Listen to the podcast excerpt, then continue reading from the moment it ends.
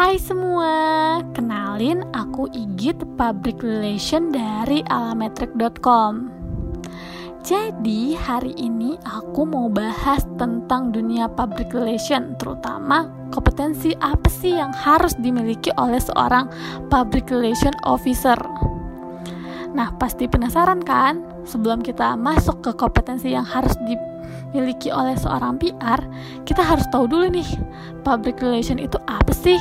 Nah, dari banyak sumber yang aku kumpulin dan aku baca, aku menarik sebuah kesimpulan bahwa PR itu adalah individu yang merangkum komunikasi terencana, baik itu ke pihak eksternal, yaitu pihak di luar perusahaan, maupun internal, pihak yang ada di dalam perusahaan, untuk menciptakan mutual understanding atau saling pengertian dengan publiknya yang tujuan akhirnya itu untuk memenuhi kepentingan publik dan organisasinya. Nah, PR juga memiliki beberapa fungsi loh. Fungsi PR yang pertama, menunjang kegiatan manajemen dalam tujuan organisasi. Jadi, manajemen itu tuju memiliki tujuan, tujuan yang ada di dalam organisasi dan perusahaan. Jadi PR sebagai penunjangnya terutama pada bidang komunikasi.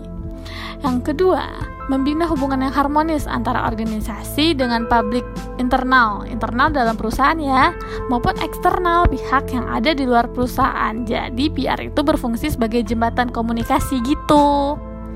Yang ketiga, menciptakan komunikasi dua arah atau komunikasi timbal balik dengan menyebarkan informasi dari organisasi kepada publik. Kegiatan PR ini biasanya bisa melalui kegiatan press release atau konferensi pers sekarang kita masuk ke kompetensi apa sih yang harus dimiliki oleh seorang public relation officer atau kemampuan apa aja sih yang harus dimiliki oleh seorang PR. Dari sumber yang aku baca, ada lima secara umum kemampuan seorang PR. Yang pertama yaitu ability to communicate. Seorang PR itu harus bisa berkomunikasi dengan baik. Baiknya itu secara apa? Secara lisan dan tulisan.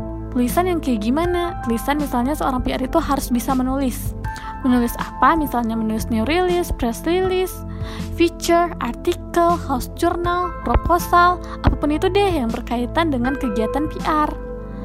Yang lisan yang kayak gimana? Nah, yang lisan itu misalnya seorang PR itu harus menguasai kemampuan public speaking, presentasi, wawancara pers dan konferensi pers.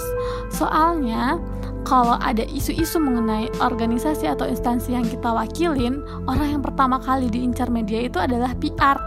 Karena PR itu merupakan garda terdepan dalam memberikan informasi kepada publik atau memberikan informasi kepada orang-orang yang haus akan informasi mengenai organisasi yang kita wakilkan. Yang kedua, ability to organize. Jadi, seorang PR itu harus bisa mengorganisasikan diri Misalnya dalam kegiatan PR itu, PR harus tahu bagaimana cara mengantisipasi masalah, membuat perencanaan program PR semenarik mungkin gitu, mengelola program PR yang ada, dan mengevaluasi program PR untuk ke depannya. Yang ketiga, PR itu harus bisa ability to get on with people. Maksudnya, PR itu menciptakan networking dengan berbagai publik yang berkaitan dengan organisasi. Jadi menjalin hubungan dengan banyak pihak harus bisa berbaur dengan berbagai pihak. Yang keempat, personality integrity atau kredibilitas diri sendiri. Jadi, maksud di sini itu adalah kunci utamanya itu kejujuran karena kejujuran itu membentuk kepribadian utuh seorang PR. Bisa aja nih kredibilitas seseorang itu hancur karena melupakan nilai kejujuran. Jadi kejujuran itu merupakan poin yang sangat penting dalam kompetensi seorang PR.